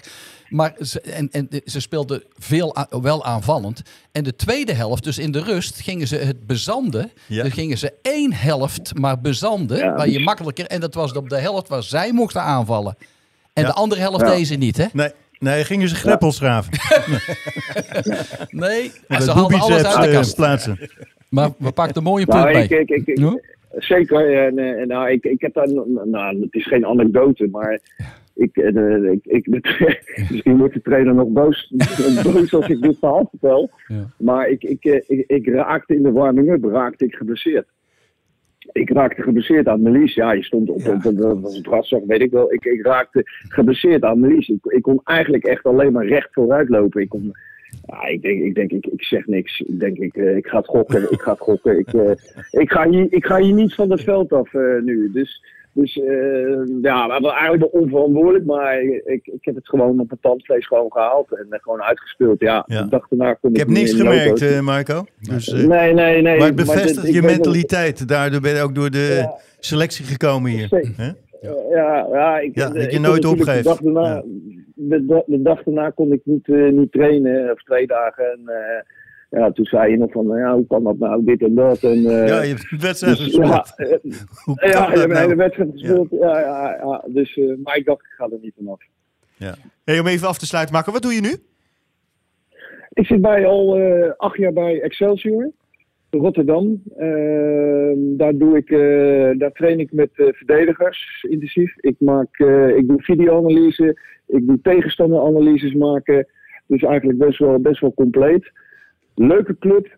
Eh, ja, eh, krankzinnige promotie eh, vorig jaar natuurlijk. hè, Nou. in, Tegen jouw club? Ja, in, eh, inderdaad. te- te- tegen, tegen ADO, ja. In, Ja. het, in het nieuwe stadion daar zo. Het nieuwe stadion, dat is ook inmiddels... Hmm. Ja, het is natuurlijk altijd een ploeg die natuurlijk ja, met qua budget niet mee kan met andere clubs. Ja, wij hebben ook natuurlijk met, met spelers gesproken waar, eh, die ook nu bij Willem II spelen, spelen. En die kozen voor Willem II in plaats van Excelsior. Omdat de budgetten daar gewoon eh, een stuk hoger liggen. Bij sommige KKD-ploegen ligt het budget gewoon hoger. Maar ja, goed, dat weet je. Dus eh, je zal altijd wel tussen, tussen ja, KKD en Eredivisie onderin spelen. Je kan niet echt die stap maken. Nee. Omdat daar de club, de club iets te klein voor is. En, eh, ja, maar dat heeft ook wel weer eh, bepaalde charmes. Absoluut. Dankjewel dat we je even mochten bellen. Even terug konden blikken op die eh, mooie tijd bij Willem Nou. II. Succes bij Excelsior. Ja, dag Marco, Ik succes. ik- ik- dag eh, dag Ja. trainer, eh, ik vond het hartstikke leuk. ja, ik ook. Spelen. De, Ja, de, ja. Delano, heel veel succes. Ja, dankjewel. En, eh, en, en eh, Martin, heel veel eh, succes ja, de komende periode met Willem II en eh, in de na-competitie in de play-offs. Tot Dankjewel, volgend jongen. jaar. Tot volgend jaar. Als jullie, Zo als jullie handhaven. Als Willem II promoveert, dan komen jullie elkaar volgend jaar tegen. Daar gaan we voor. hartstikke leuk zijn. Ja. Oké. Marco, het ga je goed, jongen. Het ga je goed. Hartstikke bedankt. Tot Hoi. Hoi, hoi. We gaan kijken naar de wedstrijden die we gespeeld hebben in de Champions League. Eh, Ko, hoe ging het scouten van de tegenstanders? Wie ging daarheen? Eh, daar ging ik zelf heen. En als ik niet kon, dan... eh poeh, dan stuurde iemand heen. Ik weet niet meer uit mijn hoofd. eh, Niet Hans? Hans niet? Nee, dat weet ik of, eigenlijk niet. of Gerard? Gerard Wielaert als, als scout? Gerard zou kunnen. Ja, vaak kon ik zelf ik natuurlijk niet. Omdat eh, je hier natuurlijk eh, de training hebt en de wedstrijden hebt. Wat was op papier de sterke, sterkste tegenstander, dacht je toen? Hadden Spartak Moskou, Sparta Praag Papier. en Bordeaux? Ja, moet het. Het is heel verschillend, natuurlijk totaal verschillende stijlen ook. Hè. Eh, Bordeaux, typisch het Franse voetbal. En ja, Moskou echt dat, eh, dat Russische countervoetbal eigenlijk, hè, wat daar eigenlijk in zit. En, en Praag, eh, ja, die Tsjechen waren in die tijd hartstikke goed, ook met het nationaal team. Gewoon echt goed voetballende teams. Dus, dus eigenlijk drie totaal verschillende tegenstanders. Ja. Waar kijk jij het meest eh, tegenop? De Lano? Eh, nou ja, eh, voordat we begonnen of tijdens? want tijdens was Voor- het Praag natuurlijk. Ja, En- en, maar voordat, voordat inderdaad. Ja, ik, zo stak ik niet in elkaar. Ik wilde gewoon die wedstrijden spelen. Ik het maakte me eigenlijk ook niet zoveel uit tegen wie. En we wisten gewoon dat zij allemaal gewoon goede teams waren. En, en waar ik denk dat we ook goed voorbereid zijn. Nou, met, ja, met Spartak Praag vond ik wel dat we eventjes... eh, ik voor mijzelf dan dat het onduidelijk was. Want er stonden ook echt allemaal andere gasten in één keer. Was dat, of was dat Spartak Moskou? Ja, dat- dat, je ja. bedoelt eh, Ja, de- met- dus dan zat je een beetje... Want de we- invulling van de spelers van de, tegenstander. Dus we zaten Ja. soms wel eens te zoeken. Maar ja, Bordeaux had ik, had ik verwacht als moeilijkste tegenstander. Toen de tijd. Hoe werd je ontvangen hè, als eh, Willem II bij, eh, bij die andere clubs? Oh, erg goed. Erg goed. Ja, ja, je bent dan altijd. eh, is een beetje de gewoonte dat eh, je het bestuur van de tegenstander uitnodigt voor een eh, diner of een lunch. En zo werden we ook keurig ontvangen in, in Moskou, in, in, in Praag en, eh, en in Bordeaux. Ik weet niet anders. En wij ontvingen de mensen hier in de toren van Interpolis. Ja, want onze voorzitter eh, destijds was Jan Vullings en die was eh, voorzitter van de raad van bestuur van Interpolis. Nou, die hadden boven een heel mooi restaurant waarin je eigenlijk uitzicht had op, eh, op Tilburg. Dus daar werden ze ontvangen. En dan worden de toespraken over en weer en de geschenken over en weer. Nou, het is eigenlijk altijd zo, aan de hand om, om, om dat op die manier te doen. Wat zijn en dat voor geschenken? Ja, dus, aandenken? wij hadden bijvoorbeeld een kruikenzeiker, hè, eh, z- zoiets. Hè, dus iets eh, wat eigenlijk met, eh, of met Willem II of met de stad te maken had. En dan werd er een verhaal omheen verteld eh, waar het vandaan kwam, een stukje historie van de stad. En zo kreeg je dan eh, elders ook eh, het, eh, een en het ander. Ik weet echt niet meer van deze. En ik had niet echt een voorkeur of dat ik wist, nou die zijn echt, daar was ik ook op dat moment helemaal niet zo mee bezig. Van die is nou echt sterker dan, dan die. Alleen ja, Bordeaux en, eh, en Praag hebben zich wel relatief gemakkelijk eh, geplaatst eh, achteraf. Het was allemaal een beetje van hetzelfde niveau, dacht ik. Alleen Praag was in Praag niet normaal goed. We lopen eens even chronologisch door. We gaan, gaan naar die eerste wedstrijd. Dat was Willem II Spartak Moskou. Dat was 1-3, 0-2 eh, bij rust. Ehm, even naar dat gevoel ook, Martin. De Champions League, het hymne hier in dit stadion. Wat doet dat dan? Ja, fantastisch. hè. Dat dan gaan de rillingen over je rug, hè, dat je dat mee mag maken. Ik was natuurlijk ook nog relatief eh, jong. En eh, ja, eh, je beseft wel op dat moment dat uniek voor Willem II is. En dat dat zo makkelijk niet eh, te herhalen valt. Dus je moet er op dat moment ook van genieten. Ondanks dat je eigenlijk er gewoon voor gaat. Want je wil gewoon die wedstrijden winnen. Ik kan me nog herinneren dat het heel slecht weer was. Veel regen, spekglad veld. Ja, en dat het toch eigenlijk wel een teleurstelling was dat we gewoon echt 1-3 verloren en, en weggecounterd werden. Hè, want we, we hadden zoveel overtuiging eh, dat we toch eh, punten gingen halen. Ja, was even een, eh, letterlijk ook een koude douche. En toen ging het echt beginnen, Delano. Daar sta je dan, het hymne inderdaad, op het Ja, veld dat- als dat speler. is eh, natuurlijk als speler zijn een van de mo- mooiere dingen. Eh, als het lied begint en eh, daarna ga je pep je op en dan ga je je wedstrijd beginnen. Gespannen. Eh, ja, ja. Eh, maar zodra de fluit dan in principe gaat, dan, eh, dan, dan ga je gewoon en dan ga je gewoon je wedstrijd spelen en dan ga je proberen hem ook te winnen. Als we kijken inderdaad, die eerste wedstrijd eh, eh, thuis tegen Spartak Moskou. Champions League, alles voorbereid, alles besproken. Ja, dan is het natuurlijk aan het team, eh Ko. Was je, ben je dan gespannen op zo'n moment? Ja, gespannen ben je natuurlijk altijd wel. Eh, zeker eh, omdat wij altijd risicovoetbal, eh, risicovol voetbal speelden. Kijk, speel je op zijn dik advocaat, ja, die metselt het gewoon dicht. En de, nou, er komt eh, niemand erheen en, en ze maken voor een goal. Maar de manier waarop ik mijn teams laat spelen, dat is altijd met veel risico. Waarbij het mogelijk is dat je binnen een kwartier twee calls tegenkrijgt. Als de tegenstander echt durft en de counters goed uitvoert en mijn verdedigers niet echt scherp zijn. Hè, dus, en ik, ik speelde niet anders internationaal eh, dan nationaal.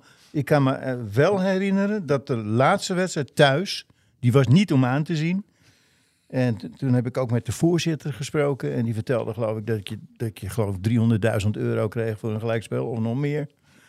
Ik zeg nou, ik zeg we hebben niet zoveel verdiend. Ik zeg eh, ik, stap, ik stap één keer van mijn geloof af. Om niet thuis weggecounterd te worden. Want we kunnen toch niet meer eh, door. Dus ik ga proberen op een punt te spelen. Of vanuit de verdedigende situatie op winst te spelen. Dan levert het nog wat geld op eh, voor de club. Maar ook voor mijn eigen eer. Dat je dan niet eindigt met één punt, maar met twee punten. Want ik kijk nu nog steeds naar die, die poolschema's. En dan, zie- ik soms dat teams er met nul punten uitgaan. Dan denk ik, nou, we hebben toch iets beter gedaan dan toen. Ja, twee punten inderdaad totaal. Ja. In Bordeaux waren we er dichtbij. Daar, daar eh, Ja. eh, wonnen we, eh, verloren we met eh, 3-2 op het laatst. Kun je eens iets vertellen over die reizen? Want ik denk niet dat je heel veel ziet van de steden waar je geweest bent. Nee, eigenlijk niet. Rechtstreeks naar het hotel en eh, een beetje om het hot- hotel hebben we gewandeld. En eh, bij Bordeaux, bij Moskou hebben we wel gezien. Ja, boven de de- Rode Plein geweest. Ja.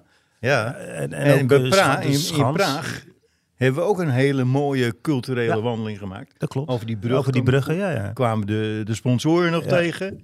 Die zaten daar op terrasjes en eh, die liepen daar rond. Klopt. Maar bij Bordeaux Eh, hebben we niet. eh, Bordeaux kan ik me niet meer Nee, herinneren waar we toen gelopen hebben. Is gek. Volgens Dat mij weet ik niet. bij Moskou nog goed, dat weet ik bij Praag nog goed. Volgens mij waren, zaten we ergens op een industrieterrein. Ergens. En dat Ja. we daar zo'n rondje hebben gelopen. Ja, me- meestal gaan we dan met de bus, als, Ja. als je niet in de buurt kan lopen, met de bus ergens heen. Ja. Er wordt ook helemaal van tevoren gescout en zo, waar we heen kunnen. Hoe, lang- hoeveel minuten is dat en welke route gaan we doen? Ik, ik denk dat Hans Verel dat eh, toch de, de analyses heeft gedaan. Ja. Ja. Kan ik me nu herinneren. En nu je zijn naam eh, noemt, hoe hoe was die band met Hans Verel? eh?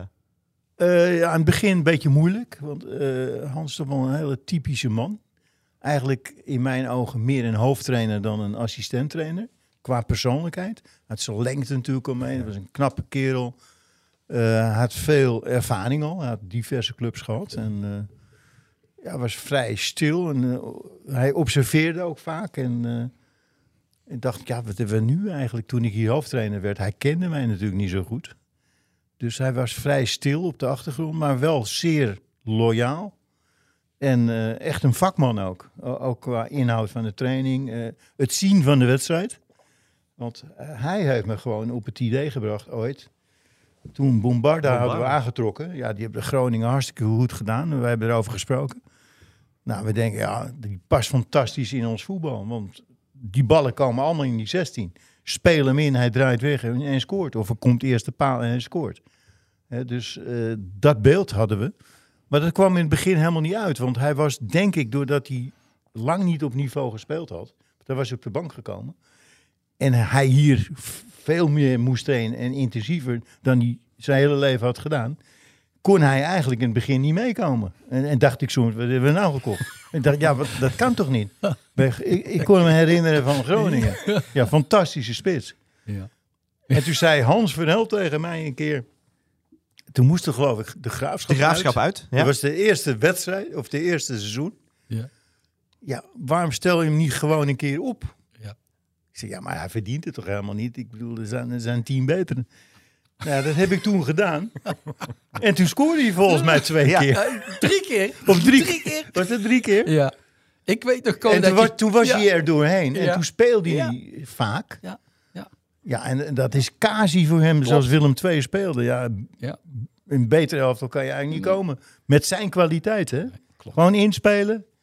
Ja. Hij houdt je vast. Ja. Draaideur. Ja. Verdediger gaat mee in de draaideur. Hij achter het glas. De startplossing voor de goal. Tikt hem er zo in. Ja. En de scheidsrechters, die zagen dat niet. Nee.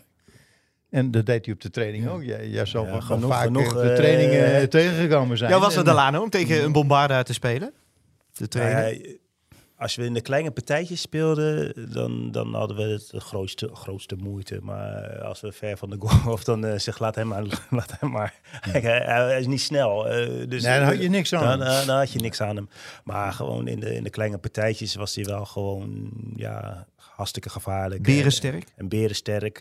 Ja, hij had hij was wel sterk, maar hij had een bepaalde draai en, en bewegingen in zijn, in zijn lichaam waar, waar hij zich altijd ja, vrij Twee kon. kanten op, hè? Ja. Dus als verdediger weet je het niet. Nee. Hij, aan beide kanten draait hij net zo makkelijk. Met links en met rechts ja. ma maakt hij ook de kans. Dus dat onvoorspelbare, dat maakte het zo nou, lastig het, te verdedigen? Het, het was juist voorspelbaar. Ja. Ja. Want als je hem inspeelt, wist hij eerst door middel van zijn handen ja. de tegenstander vast te, weg te duwen. Die kwam er nooit bij. Dus hij moest in balbezit komen. Dan stond hij een beetje te, te worstelen als een judoka. En opeens ja. was hij er langs. En hoe hij dat deed, ja, dat was ongelooflijk. Toen hij uh, kwam van Groningen, kon hij het loopwerk gewoon niet aan. Hè? Maar later dacht ik, ja, als je nou altijd veel sterker bent dan de tegenstander, hij hoeft niet te lopen. Ja, als hij gescoord heeft, terug naar de middenstip. maar voor de, hij, hij moet niet uit die 16 lopen. Nee. Hij moet in het verlengde van het doelgebied blijven. En, en dat is, daar woont hij. Ja. En, en, en, hij was ook in, in de lucht ook nog redelijk ja. slim en sterk. Uh, en Scoorde hij ook nog veel. En kritisch van zijn, zijn, zijn buitenspelers. Want hij moest die bal dan ja. daar hebben. Als hij ging lopen, dan moest hij, uh, ja.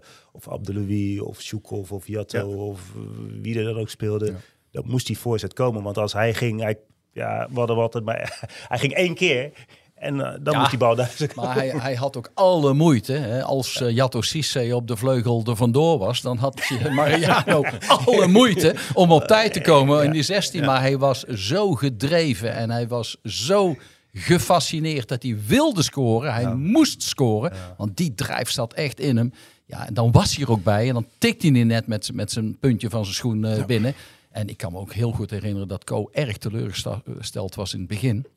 Inderdaad, misschien nog met die achterstand. En die moest ook die loopjes doen. En daar had hij aan Hans een hele goeie. Want als Hans uh, uh, zag dat hij een halve seconde tekort kwam, dan zei hij Bombarda. En dan moest Bombarda weer uh, op. Ik kreeg bijna meelijn met die jongen. Maar hij is er wel doorheen gekomen. En Ko zei op een gegeven moment tegen mij: Martin, we hebben echt een miskoop gedaan. Hij zegt: ik, ik stel hem nog niet op, al hebben, al hebben drie mensen met een, een gebroken been. En we hadden drie mensen met een gebroken been, denk ik. Want inderdaad, je stelde hem bij de graafschap op. En hij scoorde drie keer. En drie dagen daarna speelden we thuis tegen Fortuna. En hij scoorde er weer twee. En Mariano was vertrokken. Hij was er door. Maar wel in ons systeem. Ja. En hij was ook veel fitter geworden. Ja, en hij was ook heel slim. Ja. Want op een gegeven moment was Terni, een club uit, uh, uit Italië, was geïnteresseerd in hem. En ieder ander zou misschien blind getekend hebben. Maar hij ging kijken. Hij zei, nee, zegt hij, daar ga ik niet naartoe. Want die spelen op de counter. En voor ik dan bij het doel uh, ben, dan is het, uh, is het rust. Heel veel wedstrijden afgelopen. Ja. Hij zei, dat doe ik niet. Ja, dat was ook Mariano. Slimme jongen. Ja, die heeft hier ook zijn top, uh, top tijd gehad. Maar inderdaad, de, de, de gedrevenheid om te willen scoren... heb ik zelden bij iemand zo gezien als bij hem. En als we dan met hem dan teruggaan naar die tijd van de Champions League. Die wedstrijd thuis hier tegen um, Sparta Praag. Um, binnen een minuut, scoorde hij 1-0, Shukov 2-0. Wat dacht je op de tribune? Ja, we denken, we, we gaan een fantastische avond tegemoet. Ja. En uh, ja, natuurlijk werd het daarna later uh, werd het lastiger. Maar ook Schenning die een fantastische ja, vrije trap ja. binnentrapte. Maar ja. ja, goed, uiteindelijk uh, ging het toch door momenten, glipte die wedstrijd. En ik heb het net al verteld, glipte die toch uit onze handen. En wat weet je nog van de wedstrijd? Wat was het plan? Uh, ik denk dat we heel goed waren eigenlijk. Tot, ja, tot, tot het, uh, het met, uh, met Thomas uh, Kalasek de rode kaart en met mijn overtreding in de 16, waar, waar ik dan ook echt, echt ziek ben van geweest ben. dat je gewoon thuis pijn je buik hebt omdat je die overtreding maakt. verlies je zo'n wedstrijd. Dus was ah, dus we begonnen, ik denk dat we ja, alles goed deden wat we, wat we moesten doen ja, tot, tot het moment omkeerde en zei... Uh, Nou, Praag was, was, was thuis de mooiste wedstrijd tot, eh, tot het laatste moment. Eh, heel onfortuinlijk moment. En ik durf bijna te beweren, als het aan de andere kant was gevallen, dat het geen penalty was geworden. En dat bedoel ik met die momenten dat je dan wel eventjes beseft dat je die kleine club bent. En dan krijg je hem nog met 3-4 in de allerlaatste seconde op je het deksel op de neus. En dat was wel eigenlijk sneu. En dat verdienden we ook niet. Heb je nog vaak eh, die samenvatting teruggekeken? Nog Toen de tijd zeker wel. Ja. En ook eh, om eh, ja, hoe, hoe ga je er weer de volgende keer mee om als het weer gebeurt. En, eh, net zoals ik, ik lig er nou, nou niet wakker van, maar ik weet nog precies hoe die in Bordeaux dan bijvoorbeeld hoe, die voorzet kwam, eh, waar ik dan iets die bal die kwam over me heen. eh, links moest ik eh, gaan sprinten met mijn tegenstander. En die voorzet kwam toch uiteindelijk, waardoor eh, Q ook weer te laat kwam en die bal werd binnengekopt. Dat zijn dan die dingetjes waar je denkt van oké, op dat moment moet je als verdediger eh, daar zijn. En dan, dat hadden we net nog niet. Of zover was ik nog niet, denk ik dan. En eh, uiteindelijk eh, heb ik dat in Duitsland wel, eh, krijg je dat wel meer mee. Hier zo ja, krijg je nog wel eens een voorzet en dan wordt hij niet gelijk binnengekopt. Op dat niveau word je geslacht. Klaar. Dit eh, was heel duidelijk. Komen de, de meest memorabele wedstrijd, denk ik, was dat van de, van de Champions League, die eh, 3-4. Even los Ja. van de uitslag, als je dat los van elkaar kunt zien. Kwam daar alles samen dat je denkt, ja, zo wil ik mijn team laten voetballen, zo wil ik het zien. Ja, je, je moet alleen een andere scheidsrechter hebben. En, en je moet natuurlijk zo'n wedstrijd winnen natuurlijk. eh. Ja. Maar eh, op zich, als er zeven calls gemaakt worden in één wedstrijd... en, en je, bent, eh, je speelt je eigen spel, je bent vaak eh, dominant. Ja, dat is eigenlijk wel een mooi voorbeeld. En ook het bewijs dat tussen uit- en thuis spelen eh, tegen Sparta Praag... eh, uit kwamen we totaal niet eh, eruit, uit de verf. Maar, maar thuis wel. En had je daar bewust een omzetting in gedaan, omdat je dat wist van de uitwedstrijd? Nee. Nee. nee. Ik vond in die, in die tijd vond ik de wedstrijd Feyenoord. Hier thuis, waar Feyenoord dus eigenlijk kampioen wordt in dat jaar. En die werd hier totaal van de mat gespeeld. En ik denk 4-1. 4-1? Ja, hoofd. 4-1, ja. Ja, dan, wat- dat was, ja, ik denk, zo, dat, ja, zo goed heeft Willem II, denk ik, echt nooit meer gespeeld daarna. Nee. Dat was echt, echt de kampioen. Helemaal vierkant van het veld afgespeeld. En het had ook 6-7-1 kunnen zijn. Dat is met Beenhakker, hè? Was dat? Ja, was met Beenhakker. Ja. Ja, die zei na afloop van, eh, van de wedstrijd van... eh, ja, misschien moet ik hier het... eh, want hij heeft altijd wel leuke opmerkingen. In de persconferentie kan ik me dan nog herinneren... Ja, en misschien dat ik nu het Willem II lied moet gaan zingen, zei hij. Want wat hier is gebeurd... zo- Zo'n opmerking maakte hij. Ja, maar hij wist ook wel dat hij kampioen zou worden. Want het was een, wel een behoorlijke voorsprong op dat moment. Maar hier werden ze finaal van het veld afgespeeld. Fysiek natuurlijk zwaar. Eh Ko, wat deed je om ervoor te zorgen dat af en toe de teugels misschien een klein beetje kon laten vieren? Om het fysiek goed te houden, iedereen fit te houden. Omdat en de competitie en de Champions League. Ja, je houdt er wel rekening mee, maar ik, ik denk dat het juist goed is voor eh, topspelers. Ervan uitgaande dat hun lichaam en hun psyche daartegen kan, te- bestand is. Dan, dan kan je spelers naar een niveau brengen dat juist goed is. Dat je in het weekend speelt nationaal en dat je op woensdag of donderdag internationaal gaat spelen. En daartussen hou je natuurlijk wel rekening mee. Je moet sowieso reizen, dus er zit altijd reistijd eh, in. Je moet met eten natuurlijk eh, goed uitkijken, dat ze op het goede moment goede voeding krijgen. En hun nachtrust natuurlijk. Rust is ook een training. Maar goed, het betekent, eh, er kunnen maar 11 of 12 of 13 eh, voluit spelen. Want de rest heb je ook nodig. Die, die volgen gewoon een ander programma. Die gingen wel voluit trainen. Eh, vrij logisch natuurlijk. Zullen we er twee spelers uithalen met die laatste wedstrijden? De twee punten die we hebben gehaald. Eh Osmane Papasanu, die maakte de 1-1 bij eh, Spartak Moskou op een eh Ja, loodzwaar Dat kan ik me nog herinneren. Ja, wat was dat voor een jongen? Wat was dat voor een speler? Ja, ik, ik vond een hele aardige, lieve jongen. Fysiek sterk, snel. Eh, kon heel goed met de bal ook dribbelen. Want ik, ik meen me te herinneren dat hij die goal maakte. Hij kwam rond de middenlijn in balbezit. En dat was een, een modderig veld. Ja. En, en daar zette hij die dribbel in.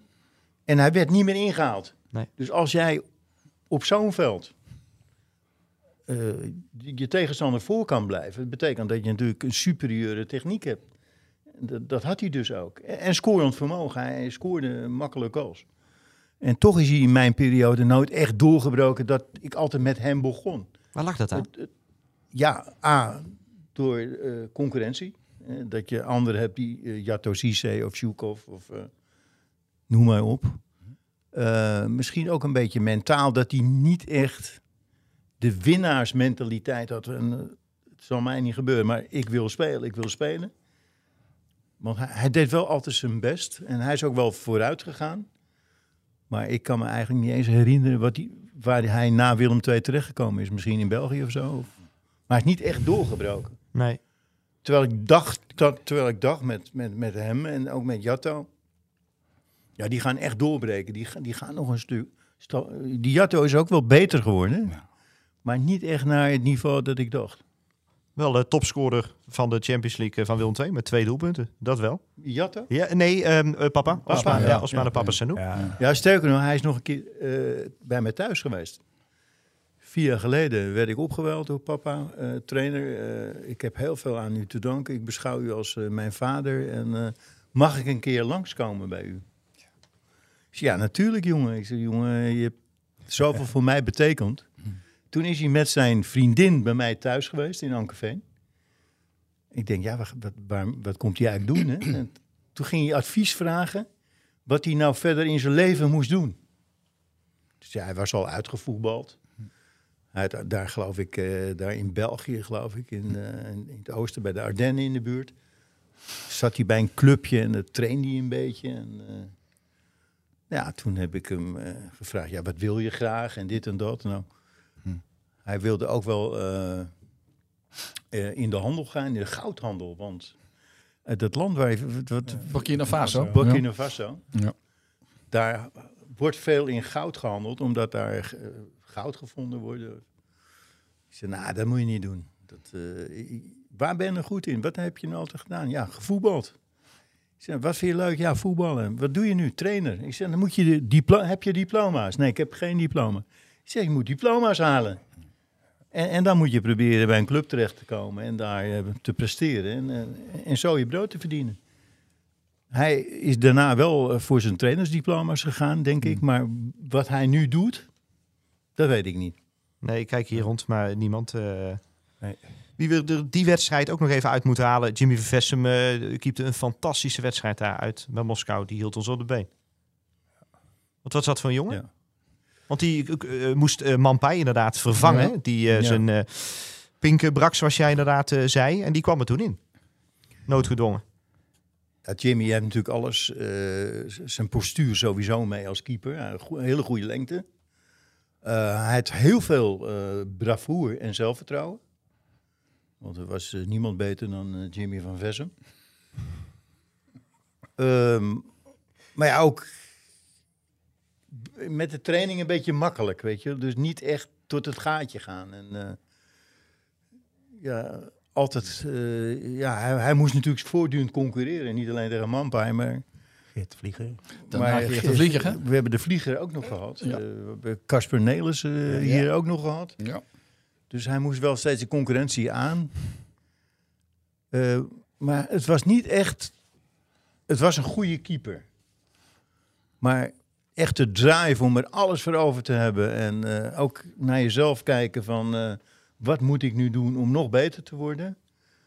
Eh, dat, dat had hij niet zo in zich. En, en daarom is hij denk ik bij mij nooit echt doorgebroken. Dat je zegt, nou, het is een vaste keeper, want hij had een goede leeftijd, begin 20. Hij komt hier uit Tilburg, notabene. Goed postuur, bravoer, lag goed in de groep. Hij had, hij had wel alles mee, maar misschien heeft het wel aan mij gelegen dat hij niet doorgebroken is. Dat zou best kunnen. Want je denkt dat je geen voorkeur hebt, omdat je gewoon zakelijk beslissingen neemt. Maar ergens in je hoofd, het is niet... eh, alles wat eh, computergestuurd is, dat met feiten te, te bewijzen is. Er, er, komt, er komt ook nog, zonder dat je het zelf weet, een stukje voorkeur bij, denk ik. Misschien heeft dat hem parten gespeeld, dat weet ik niet. Maar Dan hebben we twee punten gehaald, de Champions League. Als we even terug gaan blikken op dus die wedstrijden en het einde ook van het seizoen. Delano, nog gezellig afgesloten met het, eh, met het team. Na dat- zo'n memorabel seizoen? Eh, ja, ik denk dat we, als we elkaar zien, sowieso eh, met elkaar altijd goed overweg kunnen. En eh, nu nog steeds. Toen ook. Eh, toen we het afsloten, ja...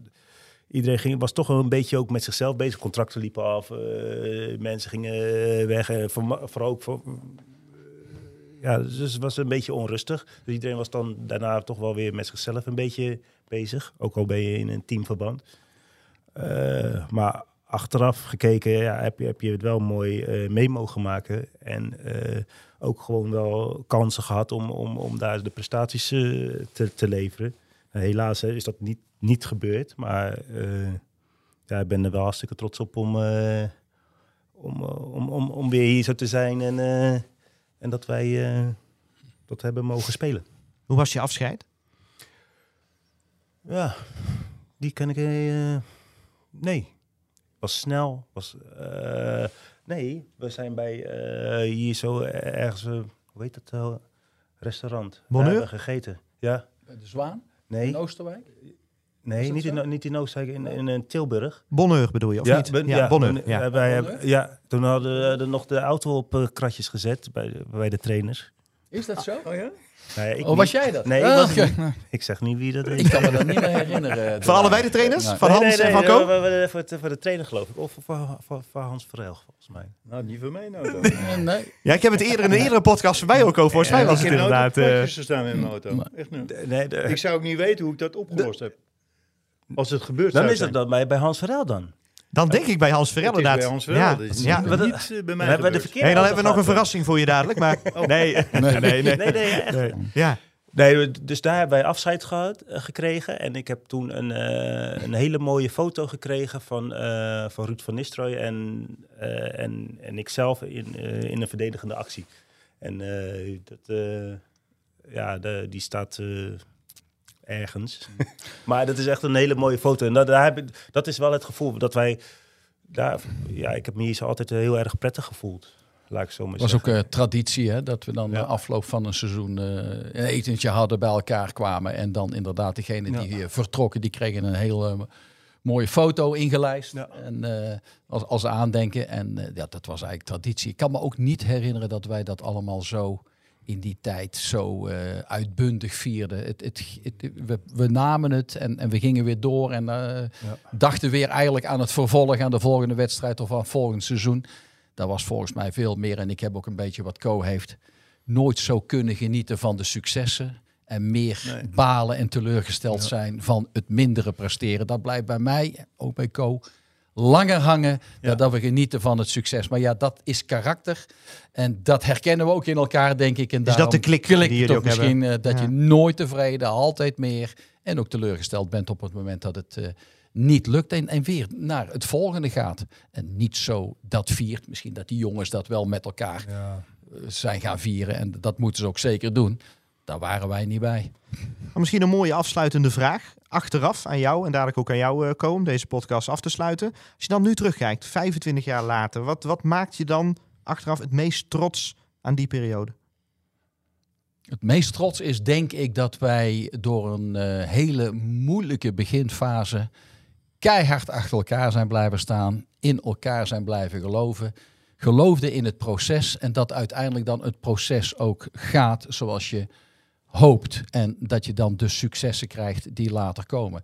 Dat is allemaal heel gemakkelijk eh, om te zeggen, maar de druk is er altijd van de mensen die op de tribunes zitten, de druk van de media. Eh, en wij zijn gewoon heel standvastig geweest, geloofden in elkaar en we gaan dit proces met elkaar doen. En dan uiteindelijk tot dat succes. Daar ben ik het meest trots op. Het slotwoord eh, aan jou, Ko. Wat maakt jou het meest trots als je terugdenkt aan eh, het behalen van de Champions League, de periode bij Willem II? Nou, ik weet, weet nog goed, dat zeg ik trouwens bij elke club waar ik kom, waar het stadion niet vol zit. Eh, vergelijk me altijd met een eh, artiest die een zaal afhuurt. Ja, die wil ook dat de zaal vol zit. En ik, ik heb dat eigenlijk nooit gehoord van andere trainers. Dat dat eigenlijk het, het belangrijkste is. Er wordt een theater gebouwd hier in Tilburg. Er kunnen 14.700 mensen in. En het is nooit uitverkocht toen ik kwam. Ik kwam eh, ooit bij AZ, en, eh, dat oude De Hout. Daar zaten er eh 6800 en toen zei mijn assistent Martin Haar, moet je kijken wat een hoop mensen er zijn. Ik zeg, Een hoop mensen? Zeg, er moet hier uitverkocht zijn, dit kippenhok. Er kunnen er maar 10.000 in. Eh, en de, Scheringa heeft toen een nieuw stadion gebouwd waar er 17.000 in kunnen. Ik heb tegen Dirk gezegd, dat krijg je, no- dat krijg je nooit vol. Maar hier, dat is gelukt.